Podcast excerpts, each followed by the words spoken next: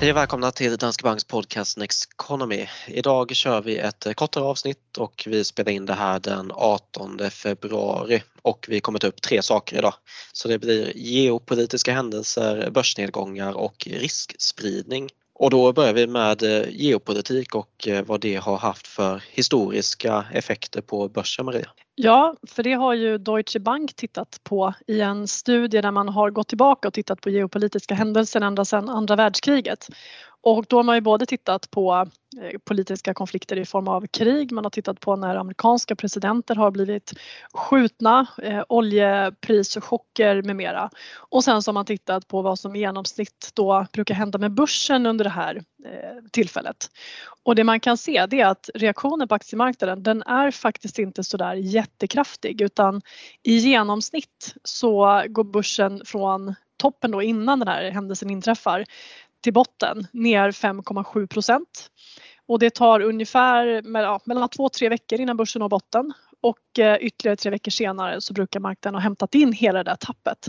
Så att tittar man på det som händer på börsen nu när vi har konflikten mellan Ryssland och Ukraina då som är högaktuell. Då är det ju lätt att tänka att skulle det hända någonting så kan vi få ganska rejäla börsras och det kan naturligtvis inte uteslutas. Men eh, historiskt så talar det faktiskt för att effekten kan bli ganska begränsad. Det man kan se däremot och det är ju att om man kollar på börsutvecklingen fram till den här händelsen så kan det ju vara så att om det är en händelse som man vet om är på gång så kan ju faktiskt kursrörelsen också ske i hög grad innan. Och när väl den här politiska eh, geopolitiska saken inträffar då så blir effekten på aktiemarknaden inte så stor. Sen, Sen så kan man också bara säga att det är ingen jätteeffekt på ekonomin eller bolagen heller. Eh, det är alltså inte en särskilt stor andel av Europas export som går till Ryssland, det är mindre än 2% och den mm. utgör bara ungefär en halv procent av Europas BNP. Så effekten på europeisk ekonomi är inte så stor om exporten till Ryssland skulle upphöra då. Och sen om man kollar på de europeiska bolagens försäljning så är det bara ungefär 1% som går till Ryssland. Eh, mm. Vissa bolag har klart mycket mer försäljning än så men som ett genomsnitt över 600 bolag i Europa då. Så ingen jätteeffekt där heller. Och det här är alltså data från Goldman Sachs men eh, som sagt ingen jättestor effekt. Precis, nej men det är ingen stor effekt. En annan eh, effekt som vi skulle kunna se då det är ju via energipriserna.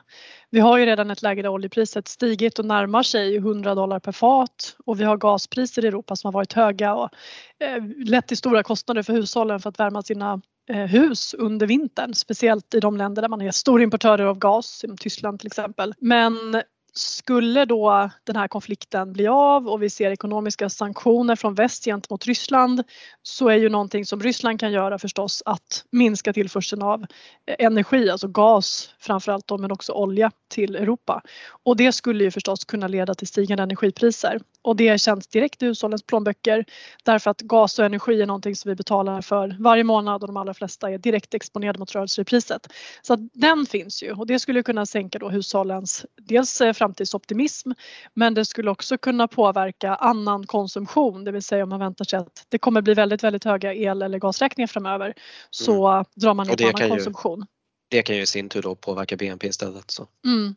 Men med det sagt så, såna här, vi har ju haft ett antal kriser tidigare och det där brukar inte, det brukar inte bli så stor effekt på varken ekonomin eller bolagen. Och vad som brukar hända då när den här första oron och reaktionen har lagt sig på det som händer, det är att börsen börjar titta på den underliggande ekonomin igen.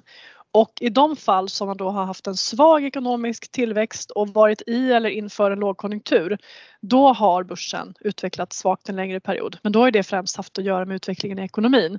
Tittar man däremot på perioder när det har hänt någonting av geopolitisk karaktär och vi har haft en väldigt stark tillväxt i ekonomin, då har vi inte alls fått samma kursreaktion utan då har marknaden istället gått tillbaka på att titta på att tillväxten i ekonomin är god, bolagen tjänar pengar och så har man lagt fokus på det istället. Och då kan man ju bara koppla till nuläget där vi faktiskt väntar oss att tillväxten kommer vara god under 2022. Trots räntehöjningar, trots geopolitisk oro, arbetsmarknaderna har repat sig väldigt, väldigt snabbt efter krisen. Så att det, det finns mycket som talar för att aktiemarknaden ska stabilisera ses någonstans här omkring. Sen tror mm. vi fortfarande att det kan vara lite volatilt men det handlar inte främst om den här situationen utan snarare om det penningpolitiska där USA centralbank väntas stramas åt ganska kraftigt under, eh, under året. Då. Och vi har varit inne på det här tidigare de här senaste veckorna men eh, börsnedgång är ju någonting som man ska kunna hantera och eh, som ett exempel då om man kollar på data för S&P 500 sedan 1928 så har börsen gått upp 68 av 94 år. Så det är 72% av åren och den genomsnittliga avkastningen har varit ganska exakt 10% per år under den här perioden. Men sen även om börsen har gått upp många av åren så kommer man få vara med om ganska stora nedgångar under majoriteten av åren oavsett om börsen går upp eller ner under året. Så vi har haft en nedgång på 5% eller mer från toppen under 96% av åren och en nedgång på 10% eller mer 62% av åren. Det är alltså ganska många år som man kommer behöva hantera en nedgång på 10% eller mer för att då få ta del av den här snittavkastningen på 10% per år. Mm. Och något som man då brukar se vid börsnedgångar det är att aktiviteten ökar. Det kan man se både i studier och om man har kollat på tidigare kriser som coronakrisen eller finanskrisen och sådär. Och det här är det då naturliga för oss att anta att man ska agera när portföljen minskar i värde. Det är så vi brukar hantera ett problem genom att göra något. Men på börsen har det visat sig att inaktivitet är det bästa över tid, särskilt i nedgångar för det är så enkelt att man helt enkelt säljer bort sig och missar uppgången. Så eh, det där är bra att komma ihåg. Mm. Sitt still i båten, eh, det är ett lite trist uttryck kanske för man har hört det så många gånger men det är faktiskt ett väldigt gott råd för de allra flesta.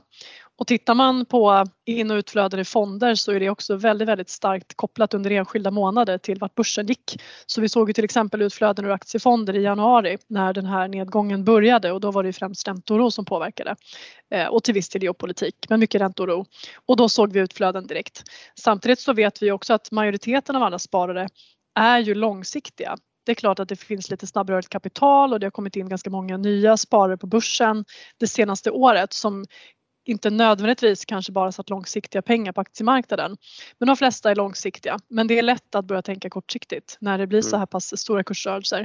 Och det Precis. skrivs så mycket om det i, i media också, man blir så exponerad för det för att det finns ett, ett stort intresse för sparande vilket är positivt. Men det trycks ju upp på löpsedlar och, och skrivs i alla typer av, eh, av media och rapporteras på radio och sådär. Och mm. det är klart att blir man matad med det budskapet väldigt starkt under en vecka så kan man ju börja undra om man ska sälja av.